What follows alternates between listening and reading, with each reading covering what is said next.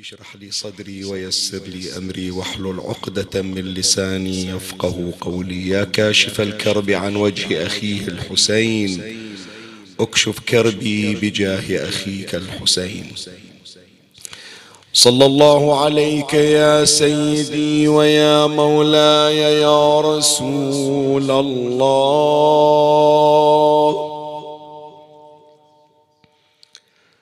صلى الله عليك وعلى آلك الطاهرين.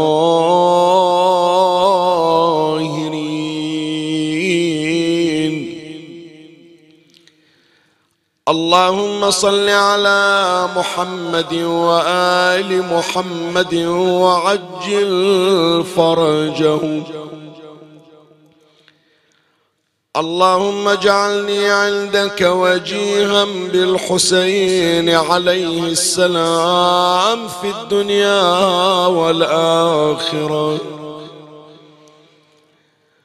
وثبت لي عندك قدم صدق مع الحسين وأصحاب الحسين الذين بذلوا مهجهم. دون الحسين عليه السلام السلام عليك يا أبا عبد الله السلام عليك يا ابن رسول الله.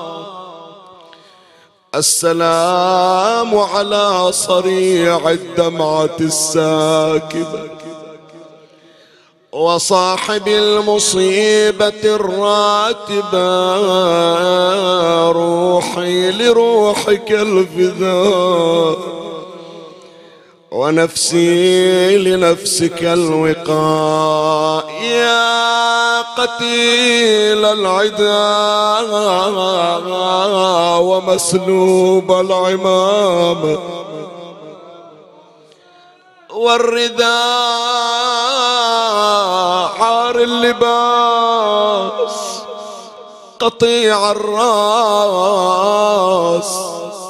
منخمد الأنفا يا واماس في جندل كالجمر مضطرمي غريب. يا مظلوم كربلاء. يا مسلم ابن عقيل. باب الحوائج وليلة الجمعة. يا مسلم بن عقيل ليتك حاضر في كربلاء وزينب تحميه يا مسلم بن عقيل ليتك حاضر في كربلاء وزينب تحميها وتعينها في حفظ أيتام لها. يتصارخون وحالهم يشجيها. وإذا أتيت لكربلاء عرج على تلك اليتيمة والثمن خديها. فعسى تصبرها قليلا إنها ترنو إليك رجاء تأتيها. تبكي حسينا حين ينظر حالها. وإذا بكيت فحاله يبكيها مسح الحسين برأسها فاستشعرت باليود وهي علامة تكفيها لم يبكها عدم الوثوق بعمها. كلا ولا الوجد المبرح فيها. لكنها تبكي مخافة أنها تمسي يتيمة عمها.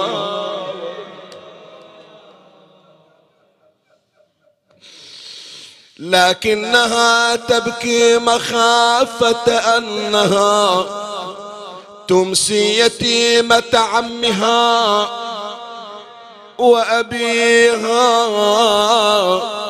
فإذا مضى عنها الحسين من الذي من صوت آل أمية يحمي. فإذا مضى عنها الحسين من الذي من صوت آل أمية يحميها وزنودها مربوقة وحليها مسروقة وخيامها محروقة ونارها تكوي. أويلي ما أذل اليتيم إي والله إي والله ما ذل اليتيم حين ينادي بأبيه فلا يراه مجيبا. قلبي كسرت يا غريب الغاضر ونت اليتامى هذه. إي والله على راحة مني ون اليتيم ما بيحيل ولا جلد يرفع صوته. فخلي على هالونة الحزينة. واحد يرد على الثاني الله لا يروع أولادكم. قلبي كسرت يا غريب.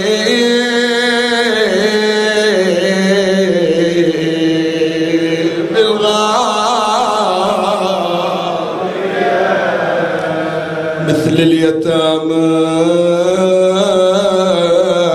تمسح بجفك.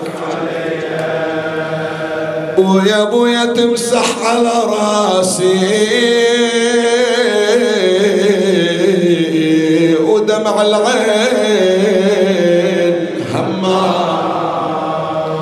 جن يتيم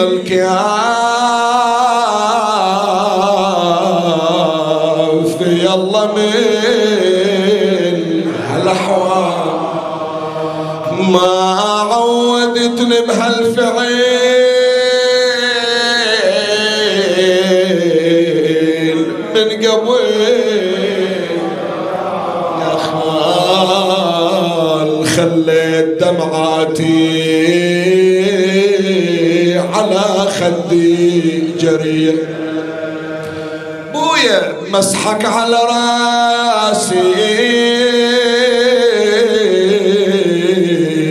تركت القلب ذايل هذه يا خالي من على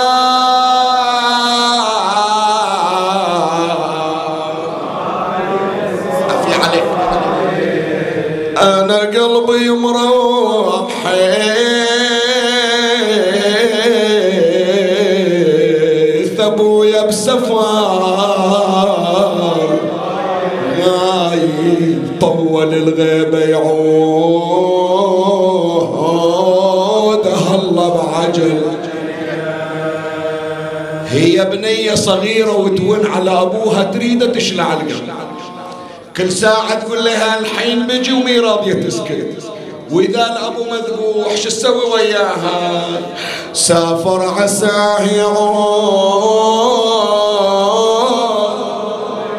إلي بالسلامة أقعد بحجرة وينشريح صدر بكلام. شنو سمعت عن والدي؟ حلو الجهام. قالها يا بنت غيبتي عنك بطيء. وويلا جاني الخبر عن حال مسلم يا حزين. يقولون من قصر الإمارة ذاب. بالحبل بالأسواق جسمه يصحبون. وراس المشكر راح للطاغي هدي. شباب سمعوني أصواتكم. مصيبتهم. مصيبة.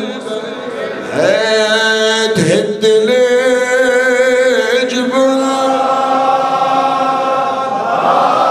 يا حسين اسمع أصوات شيعتي ومن قبل المشي بتشيب الأطفال. شفت ميت يجرونه.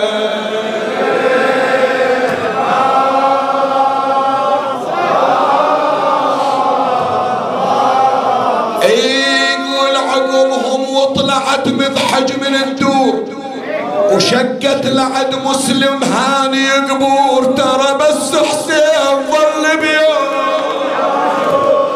بس حسين ظل بيوم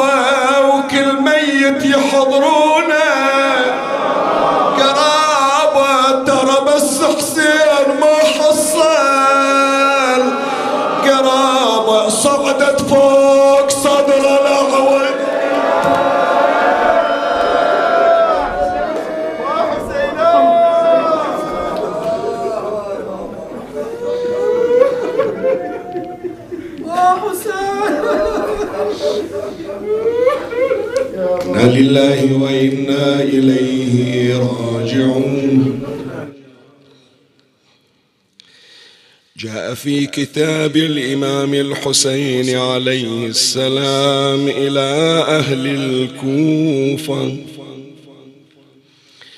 وإني باعث إليكم أخي وابن عمي وثقتي من أهل بيتي مسلم بن عقيل. وأمرته أن يكتب إلي بحالكم ورأيكم. فإن كتب إلي أنه قد اجتمع رأي ملئكم وذوي الحجا من وذوي الحجا والفضل منكم على مثل ما قدمت به رسلكم. وقرأت في كتبكم. أقدم عليكم إن شاء الله.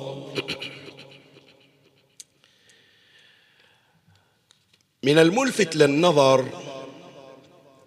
في هذه العبارة التي كتبها الإمام الحسين عليه السلام وأرسلها إلى أهل العراق لما تكاثرت عليه كتبهم. وقد وصلت كتب عديدة إلى الإمام الحسين عليه السلام بحيث ملأت خرجين من الكتب حتى أن الكتاب لم يكن موقعا من شخص بذاته وإنما كانت توقع المجموعات والقبائل والعشائر في كتاب واحد.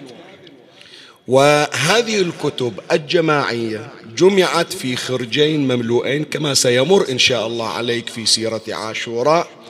لما نثر إمامنا الحسين عليه السلام هذين الخرجين المملوئين كتبا لما سأله الحر بن يزيد الرياحي عن تلك الكتب. هذه الكتب لما وفدت إلى الإمام الحسين عليه السلام أجاب الحسين عليه السلام على هذه الكتب بهذه الرسالة التي قرأتها على مسامعكم الشريفة. وبعث هذه الكتب على يد ابن عمه مسلم بن عقيل صلوات الله عليه. في الأعم الأغلب حينما يقرأ هذا النص يستخلص منه فقط ما يتعلق بشؤون مسلم ابن عقيل. يعني يأخذون هذا الجزء إني باعث إليكم أخي وثقتي من أهل بيتي في بعض النصوص والمفضل عندي من أهل بيتي. ويأخذون هذا الجزء لبيان مقامات مسلم ابن عقيل. الجزء الباقي هذا عادة يهمل يبقى ما إلى داعي. بينما يا إخواني أكو شيء ملفت للنظر جدا وهو درس اجتماعي. أنا راح أسلط الضوء بشكل مجمل ومقتضب في هذا المجلس الشريف لكن سأشبعه هذه النقطة بالتحديد سأشبعها في المجلس اللاحق إن شاء الله. شوف عبارة الإمام الحسين عليه السلام يقول إني أنا أطلع من مكة وأجيكم إلى الكوفة وأنفذ رغبتكم بإقامة دولة علوية ولائية سنادها ومرتكزها العدل والقيام بشرع الله ما أجيكم إلا بثلاث شرائط. إذا توفرت هذه الشروط الثلاثة أنا راح أجي. شنو الشروط الثلاثة؟ قال أولا أريد اتفاق جماهيري. يعني أريد إجماع غالبية أهل الكوفة. فإذا تحقق هذا الأمر راح أنا أجي. هذا الشرط الأول. إذا تحقق هذا الشرط هو واحد من الشرائط التي تدفعني وتحثني على المجيء. هذا اللي عبر عنه الإمام الحسين عليه السلام. إذا اجتمع رأي ملئكم الملأ شنو؟ يعني الجماعة. فإذا صار عندكم اتفاق الآن تقول لي وين يصير اتفاق؟ اشتغلوا على أنفسكم. إذا صار هناك توافق ذيك الساعة أنا أجي. هذا شرط. نفس الغالبية والإجماع مو كافي بالنسبة للحسين. قال ويا ذول الغالبية؟ الغالبية مو دائما تكون على حق. أحيانا ولل يعني وللإنصاف الإنسان يقول قد تجتمع الغالبية على باطل. ياما سمعنا أنه هناك دول في الحروب العالمية الأولى والثانية قررت الهجوم على دول أخرى وأجمعت على ذلك وكانت معتدية مو لكونها اجتمعت فإذا صار غزوها واعتداؤها حقا بدعوى الإجماع. هذا مو دائما.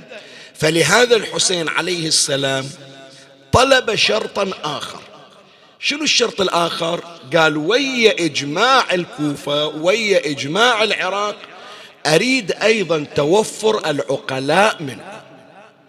مو والله مجموعة مثلا كذا شباب كان يتمنى حضوري ويهمش الآخرين. لا أريد العقلاء أيضا المستشارين من عندكم في العراق أصحاب العقول الراجحة هذول أيضا يجمعون معكم تدخلوهم معكم في هذا الإجماع.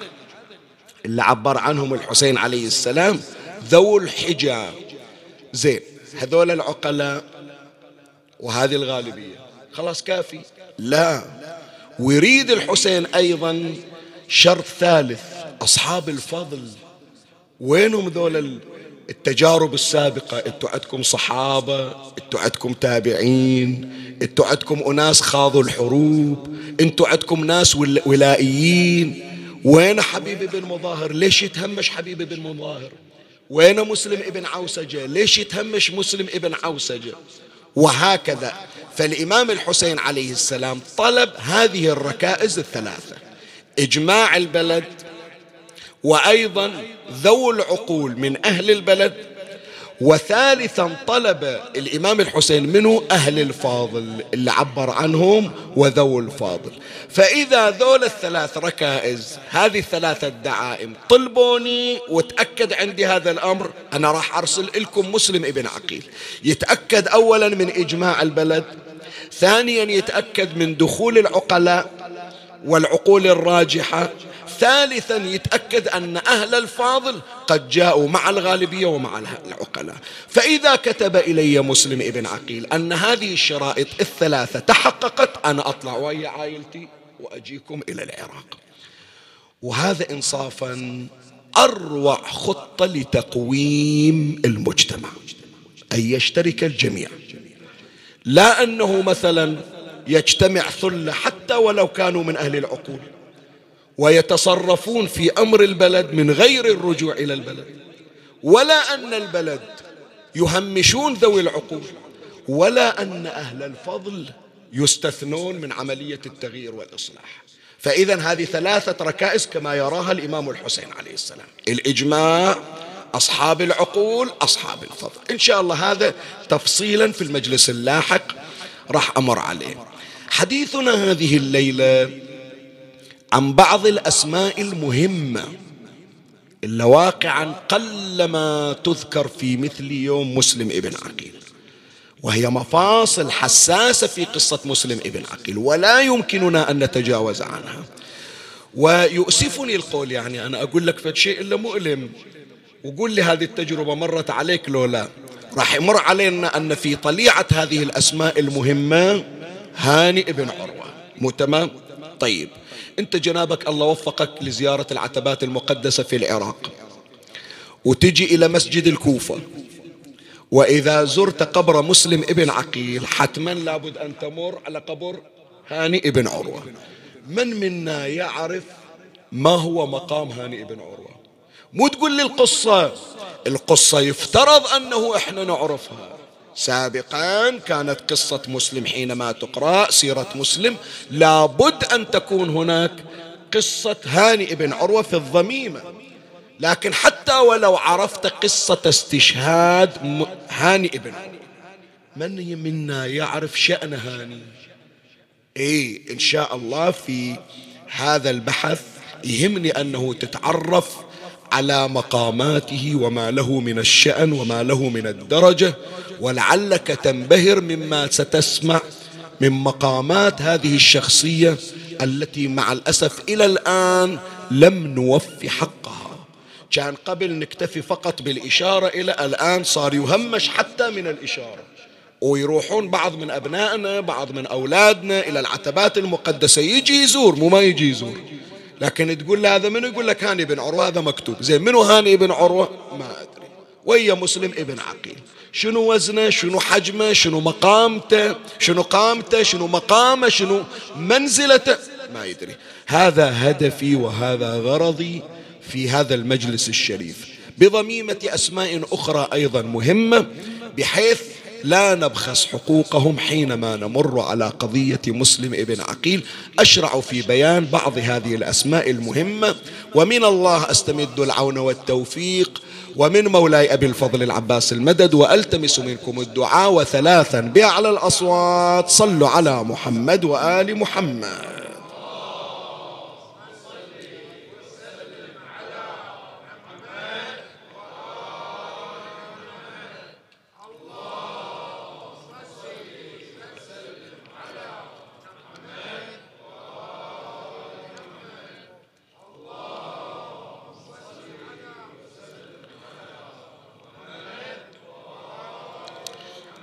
كما مر على حضرتك قبيل لحظات أن أول شخصية سوف نتعرض إليها هي شخصية هاني ابن عروة. وهاني ابن عروة غير قلنا أن الحسين طلب ثلاث شرائط يكون تتوفر حتى يجي. اجتمعت هذه الشروط الثلاثة في هاني ابن عروة. فهو من أبرز وجوه أهل الكوفة. واحد ثانيا من العقول الراجحة التي تستشار والتي لا يتعداها أحد ولا يعدوها من أهل العراق. أي أمر من أمور العراق قبل أن يبادر فيه لابد أن يستشار. هاني ابن عروة فهو من أصحاب ذوي الحجاب كما اشترط الإمام الحسين عليه السلام في الشرط الثاني. وأيضا هو في طليعة أهل الفضل وهذا ما سيمر علينا إن شاء الله. هاني ابن عروة صحابي من أصحاب رسول الله صلى الله عليه وسلم. وأبوه أيضا كان صحابيا. ومن خواص شيعة أمير المؤمنين عليه السلام يعني من المقربين لأمير المؤمنين عليه السلام. إنت هذه الكلمة تمر عليك من تقرأ في سيرة الإمام علي أو في سيرة بعض العظماء تمر عليك هذه العبارة. من خواص أمير المؤمنين. وهذا المصطلح يجي بصيغ مختلفة. مرة تسمع من شرطة الخميس مثل حبيب بن مظاهر مثل الأصبغ بن نباتة مثل قنبر من شرطة الخميس. مرة لا من حواريي علي بن أبي طالب مثل منو؟ مالك الأشتر.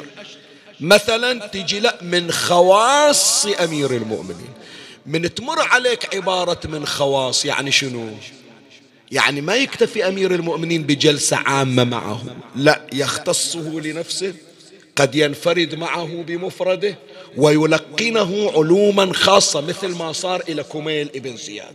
شوف كثير من وصايا أمير المؤمنين سلام الله عليه إجت إلى كميل ابن زياد. ليش؟ لأنه من خواص علي.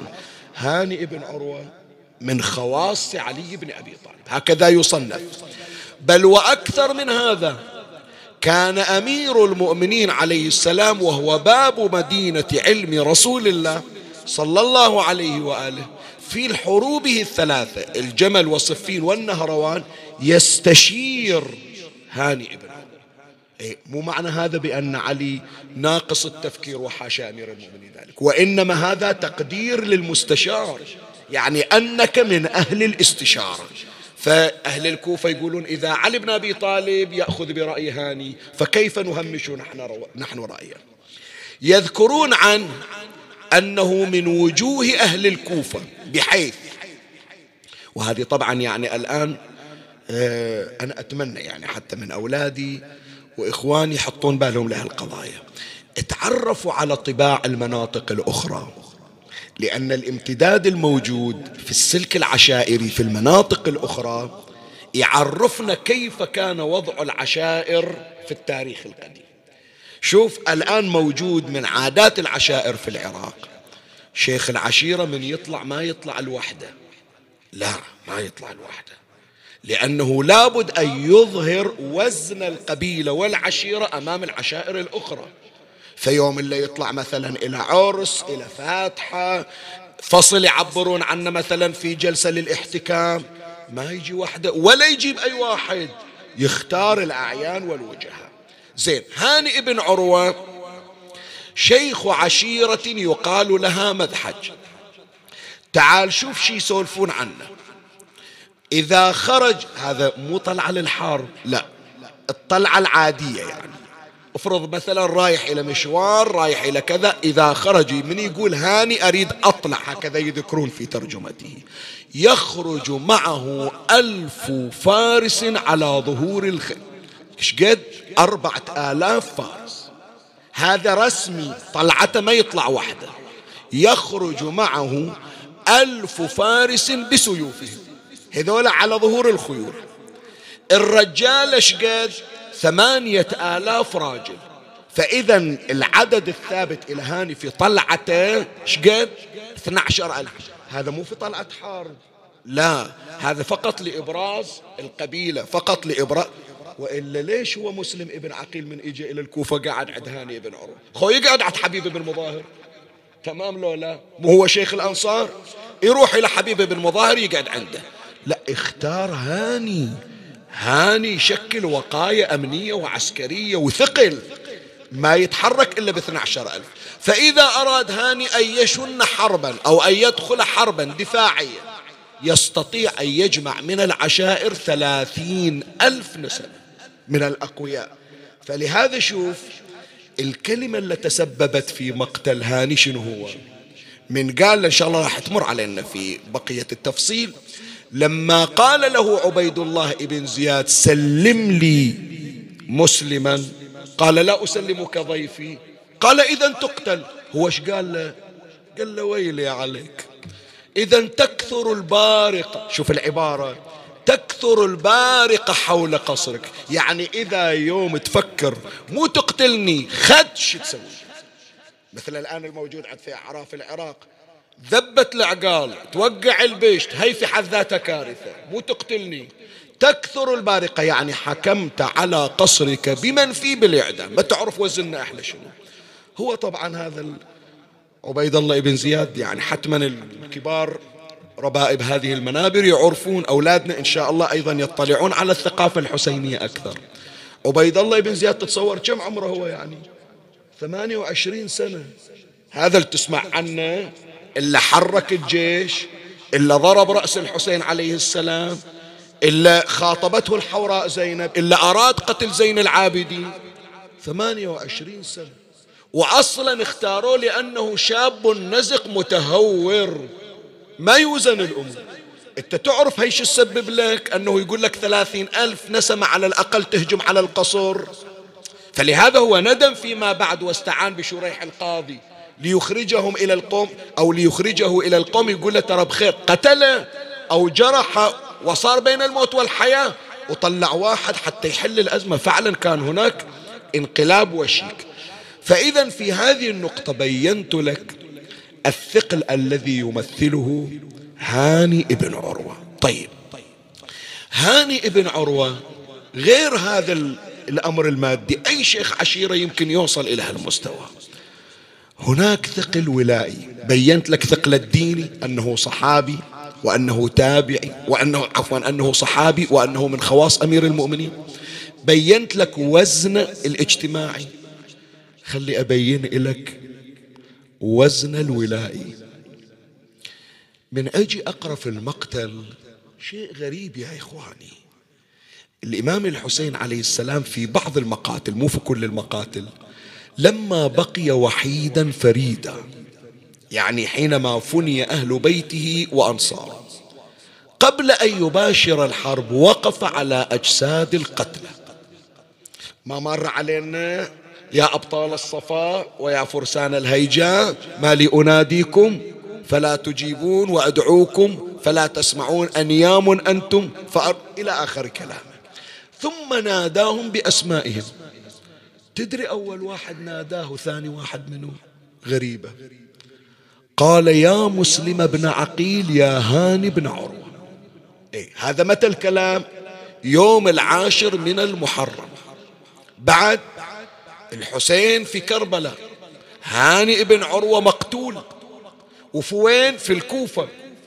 لكن يقول لو كان هاني ابن عروة موجود ما أصير وحيد فريد فلهذا ابتدأ حسين حينما نادى أصحاب الوفاء. وهذه في حد ذاتها كلمة أصحاب الوفاء تحتاج إلى تحليل وإلى وقوف. بس ناداه حسين وهو آنذاك بمفرده في كربلاء ويعلم بأن روح هاني تسمع نداء الحسين عليه السلام. يعني عامل الحسين هاني ابن عروة في الخطاب كما عامل أبا الفضل العباس وعلي الأكبر. شنو وزن هذا؟ شنو وزن اللي يبتدي به الحسين ويقدمه على غيره؟ زين نجي إلى شيء آخر أيضا. وهذا إن شاء الله ليلة بكرة راح نتعرض إلى في بحثنا المعنون بالاجتماعات الحسينية. الحسين عقد اجتماعات راح نتعرض إلها ليلة غد إن شاء الله.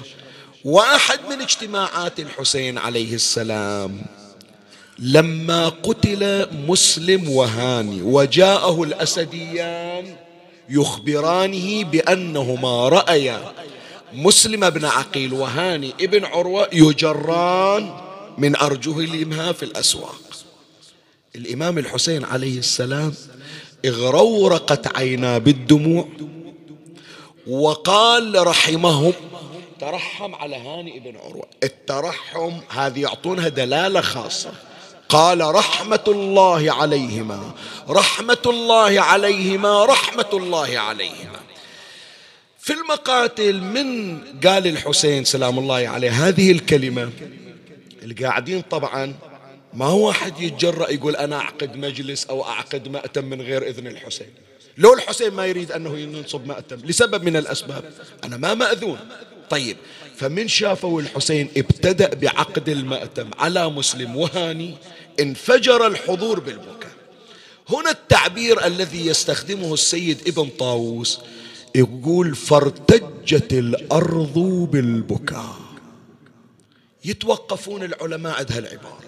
شو يقصد السيد ابن طاووس؟ ارتجت الأرض بالبكاء يعني شنو؟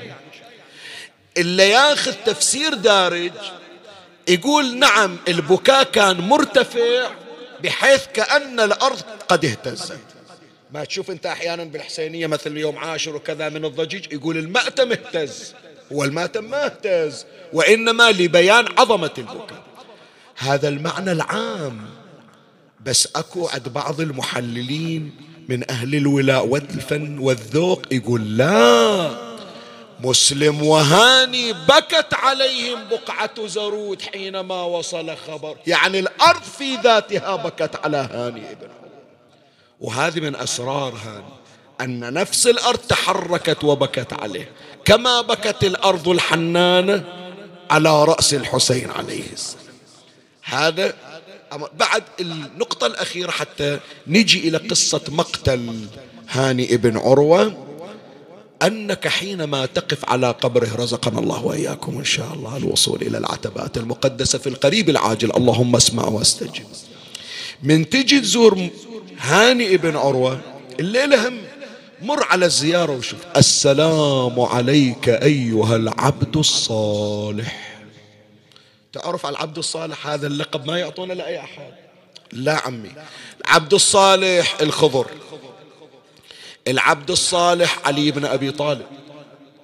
العبد الصالح موسى بن جعفر. العبد الصالح أبو الفضل العباس. الفضل العبد الصالح مسلم ابن عقيل. العبد الصالح هاني ابن عروة. إيش كبره هذا؟ إيش كبره؟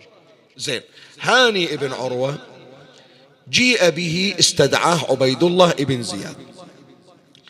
وأول ما دخل إلى قصر عبيد الله ابن زياد عبيد الله ابن زياد يعني من غير دبلوماسية ومن غير رس ومن غير بروتوكولات وما عامله وفق شخصيته. قام هالشكل يحرك إذا يقول له أتتك بحائن رجلاه تسعى. قال له خير رسل علي. قال بلغني بأن مسلم بن عقيل في دارك وأنه يجمع السلاح والمال وانت تريد تسوي لك فتنة بالبلد. قال من وين؟ أثاري واحد اسمه معقل. معقل هذا عميل يجي يندس بينهم ويبكي على الإمام الحسين ويظهر الولاء وهو يرصد الحدث. قال له وإذا أنا رجل عشائري يجوني يلتجئون وهذا عرف موجود عند العشائر واحد يحتمي بي ما أقول له روح. قال له على أي حال إحنا مقدرين بأنه أنت شيخ عشيرة فحتى تخلي نفسك من المسؤولية تسلم لنا مسلم بن عقيل. قال ما كنت بالذي أسلم إليك ضيفي. شي يقولون عني العرب؟ خلي قضية مسلم بن عقيل الآن لا تقول بأنه إلى مقام وإلى درجة. عرف عشائري هذا ما يصير. واحد يحتمي بينا ما يصير أعطيك إياه. متعارف عند كل العشائر ما حد يسويها قال بل تسلم. قال لا أسلمه. قال إذا تقتل يا هاني. قال إذا تكثر البارقة. الآن بس خلي صوت يوصل. شوف شو يصير حول القصر. قال ويلي عليك أبي البارقة تخوفني. إيش سوى؟ كان إلى جنبه قضيب. ولعل هذا القضيب هو الذي كسر به أضراس الحسين عليه السلام. تناول القضيب الذي كان إلى جانبه فأقبل إلى هانئ ابن عروة وصار يهشم وجهه بالقضيب. قالوا حتى تناثر لحم وجه هاني على صدره. يعني الضربة ما كانت ضربة اعتيادية لا ضرب مشوه أحدث فيه تشوها بحيث تشقق الوجه وتناثر اللحم على صدره. هو حاول أن يدافع عن نفسه لا اجتمعوا عليه أوثقوه وصل تسريبات إلى مذحج بأن شيخكم وزعيمكم قد تعرض إلى الاعتداء والآن سينفذ فيه حكم الإعدام. اجتمعوا حول قصر عبيد الله بن زياد فاضطر أو اضطر عبيد الله بن زياد إلى هذا الكذب وهم من أهل الكذب. ودى لهم شروح القاضي وشهد شهادة زور وادعى بأن هاني يقول لا قاعدين يسولفون ما عندهم أي شيء يتناقشون نقاش عادي والآن يطلع عليكم بالسلامة. وهم ذيلاك سمعوا الكلمة وتفرقوا. ثم أمر بأن يقتل هاني ابن عروة.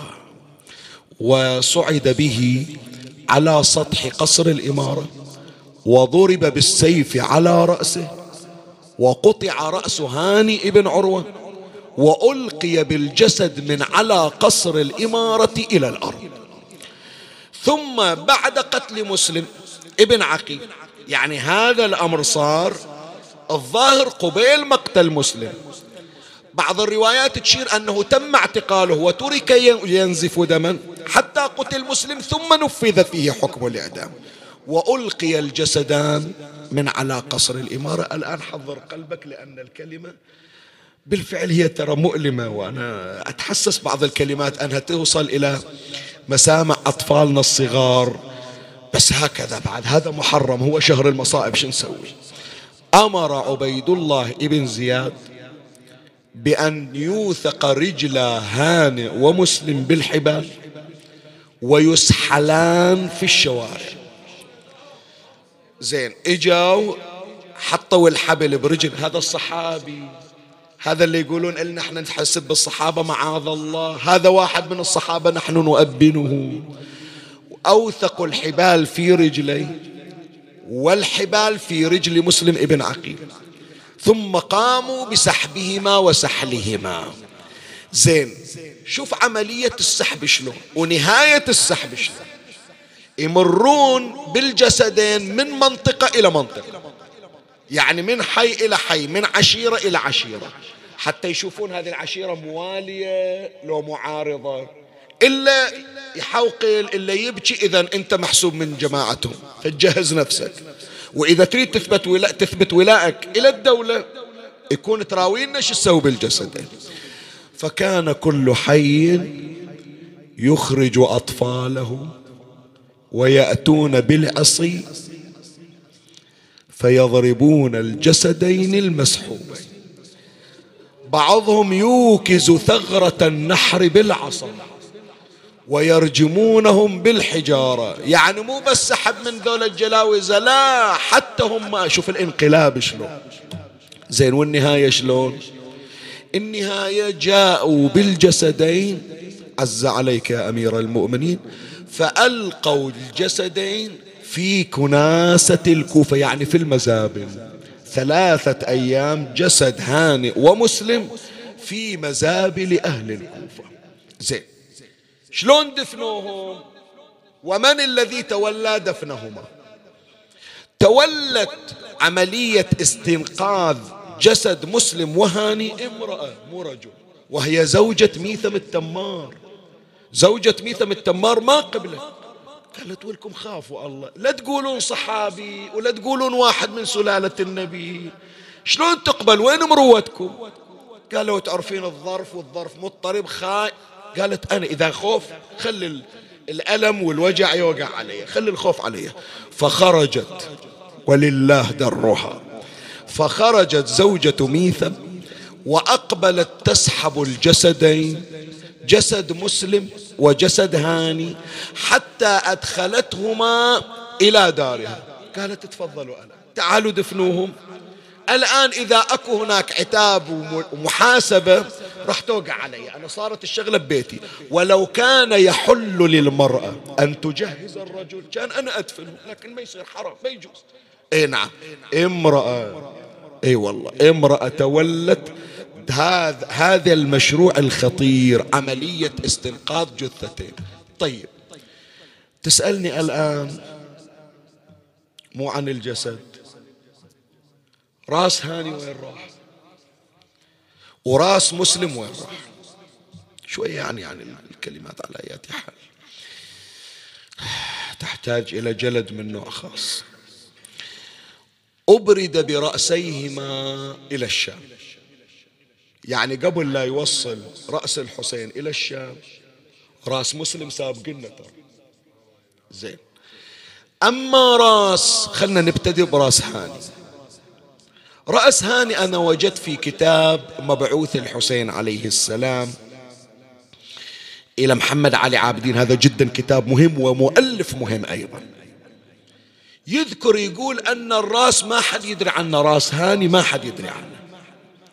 إلى مئتين سنة ثلاثمائة سنة من حادثة قتل الحسين سنة الواحد والستين يعني في القرن الثالث الهجري.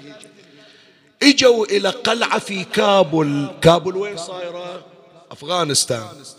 افتتحت في بعض الفتوحات. حصن من الحصون قلعة من القلاع. ما أدري صايرة حرب افتتحوها. شافوا مخزن. وإذا المخزن مجموعة من الرؤوس. رؤوس معظمها لا يعرف صاحبها. وأكو هناك روزنة فيها رؤوس خاصة. كل راس معلقين بإذنه بقايا الإذن قرط حاطين في رقعة وكاتبين الاسم. يعني الرؤوس المميزة. إجوا وإذا راس مكتوب عليه هذا رأس هاني بن عروة. 260 أو 300 سنة رأسه لم يدفن. وين وصل؟ إلى أفغانستان. هذا ما ينقله صاحب كتاب مبعوث الحسين محمد علي عابدي. زين أما راس مسلم. راس مسلم أول ما وصل إلى الشام أمر حاكم الشام بأن يؤخذ الرأس ويضرب بمسمار على باب الشام. فجابوا الرأس وأركزوه بمسمار على باب الساعات الشيخ الطبسي الشيخ محمد رضا الطبسي والد مشايخ الطبسيين الموجودين المحققين حاليا. هذا مرجع ديني. وأنا سمعتها من ابنه من نفس الشيخ محمد جواد ابن الشيخ المرجع الشيخ محمد رضا الطبسي هو ينقل لي وأيضا هو أهداني الكتاب المقتل وأراني الرواية اللي ذكرها والده. يعني هو يقول أنا مطمئن لها يقول وإن لم أرها لكن أعرف أبويا ما يجيب شيء من فراغ. عنده مصدر بس أنا ما عثرت عليه. يقول رأس مسلم ظل معلقا.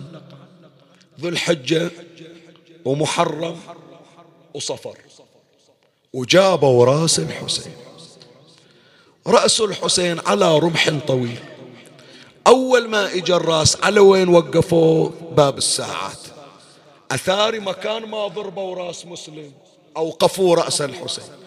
صاحب الرواية اللي يذكرها الشيخ الطبسي يقول فلما حانت من رأس الحسين التفاته ورأى, ورأى رأس ابن عمه مسلم مال الرمح الذي عليه رأس الحسين و وأخذ رأس الحسين يقبل رأس مسلم. كان يقول له وينك يا ابن عمي وينك؟ وينك يا الغيور ما حضرت كربلاء ترى خيل صعدت على صدري. هذا ما كان من شأن هاني ابن عروة. يعني على أي حال أنا كنت أتمنى أنه أتي على البقية لكن طال علي المقال. هالمقدار أكتفي به؟ أكتفي فقط بذكر اثنين. الأول اسمه عبد الأعلى ابن يزيد الكلبي والثاني اسمه عمارة ابن صلخب الأزدي. ذول اثنين وقفوا ويا مسلم ابن عقيل في أزمته. وتم إلقاء القبض عليهما وقطع رأسهما وسحبا في الأسواق. وهذا عمارة ابن صلخب الأزدي يقولون أخذوا رأسه مع الرأسين مع رأس مسلم وهاني. هذا ما صنعوا بالجسد. عندما خذلوا مسلم بن عقيل وتركوه وحيدا يتلدد ليس معه من يدله على الطريق. صلى صلاة العشاء وهم يتفرقون من خلفه. أول ما دخل إلى المسجد خمسمائة رجل وراه. تاليها لما فرغ من الصلاة هكذا ينقل أهل التاريخ ليس معه أحد يدله على الطريق. فخرج مسلم من المسجد وصار يتلدد العبارة. يتلدد يتلدد يعني شنو؟ يعني يترقب. يقولون ما يدلي. شنو ما يدلي؟ هو وين مولود؟ وين رابي؟ بيوتهم هذه. أبوه عقيل من أهل الكوفة. وما غابوا عن الكوفة كثير. وهو أعرف الناس. ثم أن الحسين يبعث الخبير. ومسلم باقي في الكوفة شوال وذو القعدة وذو الحجة ثلاثة أشهر هو باقي. شلون ما يعرف المكان؟ بس شوف الرجل النبيل يقول أخاف أعرض واحد إلى الإحراج. أدق عليه الباب. لا يعرف يسد الباب بوجهي ولا يعرف أنه يستضيفني ويتأذى. خلي أنا آكلها. خلي أنا أتحملها. فصار يمر من دار إلى دار ومن زقاق إلى زقاق. حتى أوقفه الزمن على باب امرأة صالحة. يقال لها طوعة عمي خلوني شوية آبائي سامحوني راح أحكي ويا أولادي ذول القاعدين. أسألكم أنتم تعرفون أولادي. طوعش قدمت إلى مسلم؟ خبرني أنت إيش عطته هو كاس ماء مو أكثر. إناء ماء مو أزيد ترى. ترى ما أكل ولا شرب إلا هذا الماء اللي شرب وأخذ وضوء ليس إلا. آنية ماء لكن من قلب موالي. يقول لها مسلم والله لا أخلي اسمك ويا زينب يذكر في عاشور. شوف الليلة وليلة باكر. أكو بلد من بلدان الشيعة يحيي عاشوراء ما يجيب ذكر طوعان. شوف هالمرأة الصالحة إيش سوت؟ جاء مسلم وقف على باب دار طوعان. وكان لطوع ولد قد خرج مع القوم وكانت تترقب عودته. إجت تدور رجع ما رجع. وقفت عند الباب وإذا بشاب قد وضع رأسه بين ركبتيه غريب عمي غريب غريب ظلمة ليل. وين يروح؟ قالت يا شاب ألك حاجة؟ قال بلى أمة الله أنا عطشان. اليوم ما واحد عطاني قطرة ما يروح حشاشة جوفي إيه طلبت حقك؟ الآن أجيب لك الماء. مضت إلى داخل الدار استخرجت قدحا فيه ماء من وراء الباب بكل عفة بكل شرف. قالت خليه ياخذ راحته ما أضايقه. يخلص من الماء ويمشي. أنا أخذ القدح. بعد هنيئة عادت لتتناول القدح. وإذا بمسلم جالس لم يتحرك وين يروح؟ وين يروح؟ عند مكان. قالت عبد الله شربت الماء. إي نعم جزاك الله خير الجزاء. قال لك حاجة؟ أجيب لك غيره بعد. قالت إذا ما لي جلوسك عند باب دار. إيش قاعد تسوي؟ أنا مرة وأجنبية عنك. وهذا الحي كل أهلنا وقرابتنا الآن يشوفون غريب قاعد على باب بيتي. شي يقولون عني؟ قم يا عبد الله لا أحل لك الجلوس على باب داري. فلما سمع مسلم كلامها أحس بالذلة والهوان كأني به نادى وذلا تقل شربت الماي لا توقف. على الباب عيب على مثلك وقفته ببيوت لجنة. جلك جليل وشوفتك يا شهام تناب لحلك دروح القمر غرب والنجم دا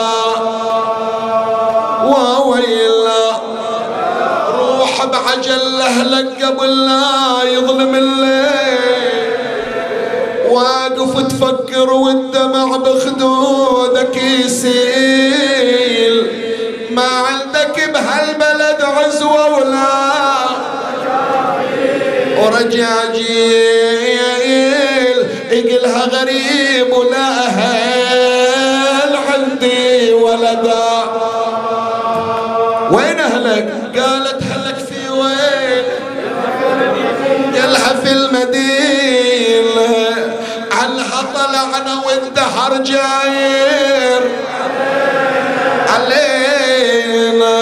مسلم أنا وعمي علي اللي يذكرونه مفروض ومسيت ببلدكم مالي أنصار. هذا البيت ما دونه ملا عطية بالجمرات.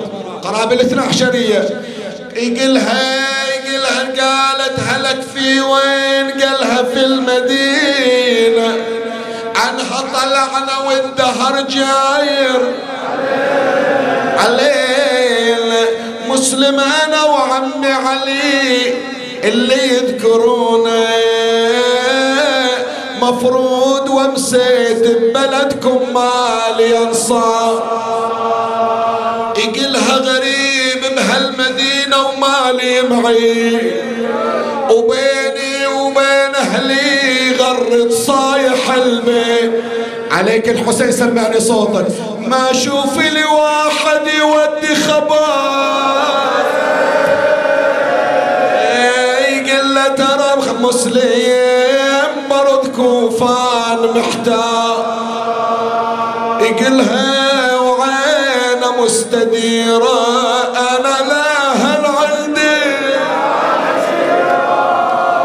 دخل مسلم إلى دار طوال قدمت له الطعام والشراب لم يأكل ولم يشرب بل قام يصلي لربه وسمع ولدها بخبره فمضى وأخبر ابن زياد فأرسل محمد بن الأشعث مع خمسمائة من الرجال. وبينما مسلم كان يصلي لربه وإذا به يسمع صهيل الخيل وقعقات اللجم قام مسلم بن عقيل اقتلع باب الدار. أقسمت لا أقتل إلا حرا ولو رأيت الموت شيئا نكرا أخاف أن أخدع أو غرا. رد شعاع الشمس فاستقرا. كل امرئ يوما ملاقي أمرا.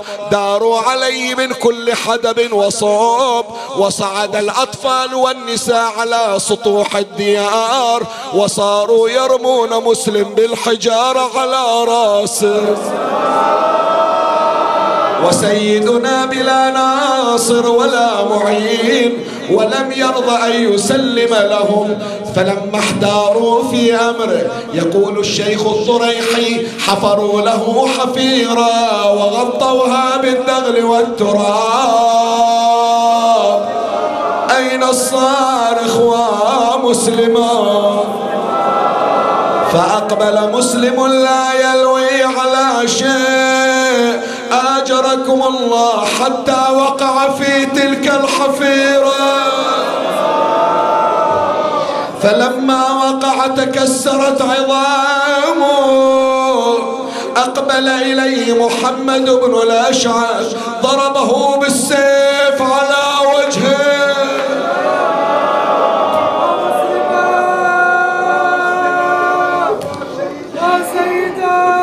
حق الغريب على الغريب. العباس لين طاح عند النسوان تنعي عليه في كربلاء. علي الأكبر لين طاح عند شباب يشيلونه. هالغريب منو إلى بس إن شاء الله مسلم الليلة مو غريب. أريد داخل وبرا والقاعدين بالشارع. وحتى اللي بالساحة اللي بسياراتهم وين ما قاعدين. سمعوا الحسين صوتكم الليلة. قولوا له أبو علي لا ينكسر خاطرك على ابن عمك. ذيك السنة كان هو غريب السنة مو غريب. السنة إحنا وياه لولا القضاء والحيلة اللي دبروها. حفروا بميدان حفير وستروا لما وقع ذيك المحاسن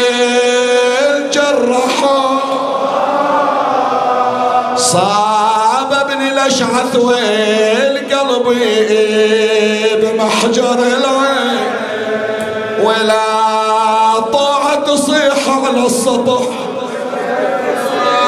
وش هالكسي وين صوتك ليتك حضرت تشوف يا أحسنت. بن عمك الموثوق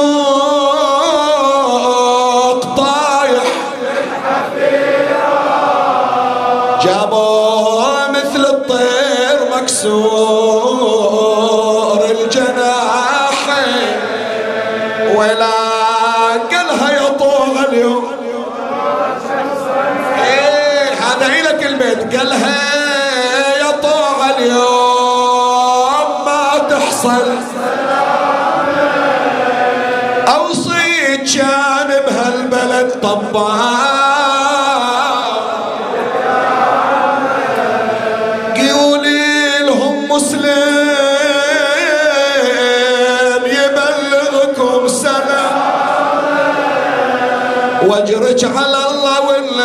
سيد الكون.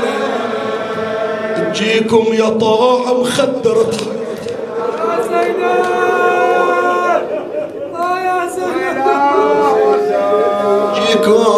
جيكم يا طاعة مخدرة حيدر لكم.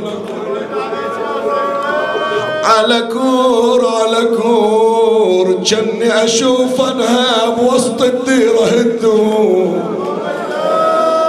حسرة بلوالي وراس حسين. مشهور وتدخل على ابن زياد زينب والنساوي. متى بتجينا؟ خبرنا أي يوم توصل حتى نستقبلها. هذه بنت الزهرة جايتنا تشرف بيتنا. قال جيتهم الكوفة ترى ما هي بعيد. تشوفين وياهم علي رفيل.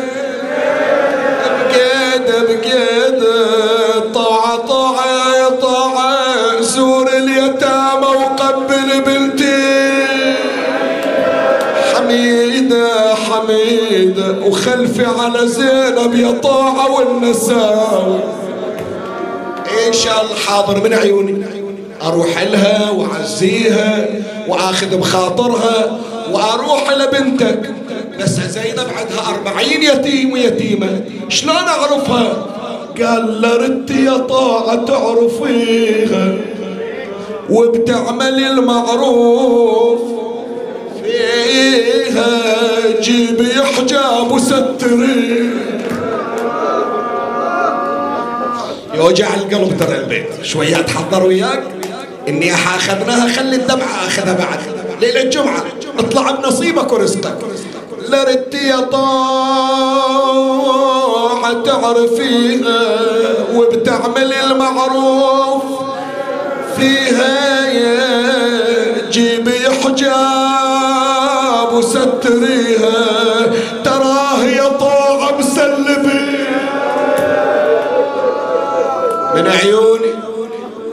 الزهرة شلون ما أخدمها؟ والمنة علي. وظلت طوعة تترقب متى تأدي الأمانة؟ راح ذو الحجة إجا محرم. يوم 12 وإذا الصوت في الكوفة. خوارج. وين الخوارج؟ قالوا بالخرابة منزلينهم.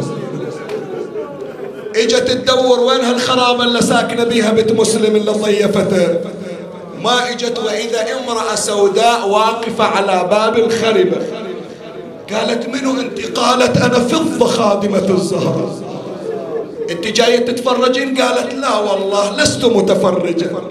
أنا طوعا التي أجرت مسلم ابن عقيل. وجاية عندي أمانة إلى بنية سمعتها وياكم. قال أنت طوعا أنت محسوبة منا تفضلي. قالت فضة أسايلك. بنت الزهر وياكم. أسلم عليها وابوس ايدها إيش عندك ويا زينب؟ إيش عندك؟ إيش عندك وياها؟ ليش بس أسمها يجرح قلبك إن شاء الله تفضلي. أوديك إلى زينب. اخذتها فضة من إيدها. جابتها وقفتها على راس زينب. ها طوعة تريدين السلمي سلمي. قالت مني هذه؟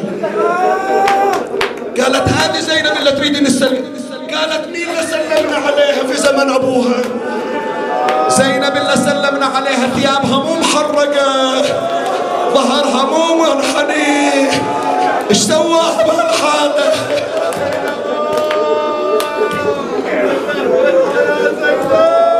إلزم روحك إلزم روحك اللي شغل وياك. بعدنا عمي ما تنسى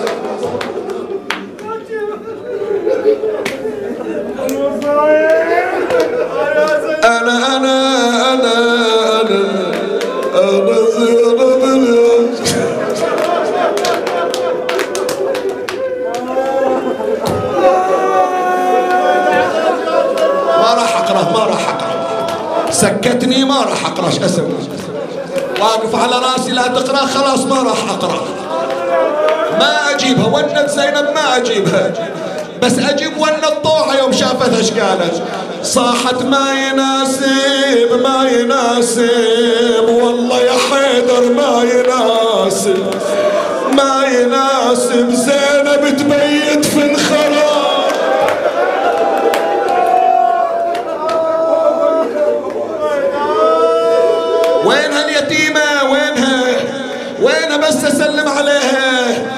صح الطاعة طاعة طاعة عم احكي لي حالة. من طاح منه التدناله غسلوا عن القاع.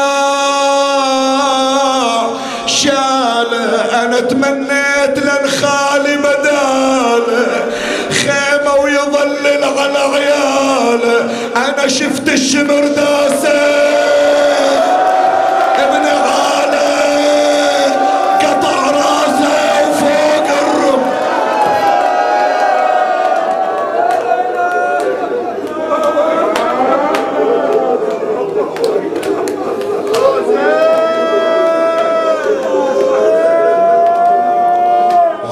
فرج إمامنا وعجل به فرجنا واقض حوائجنا وارحم موتانا وبلغهم ثواب الفاتحة مع الصلوات.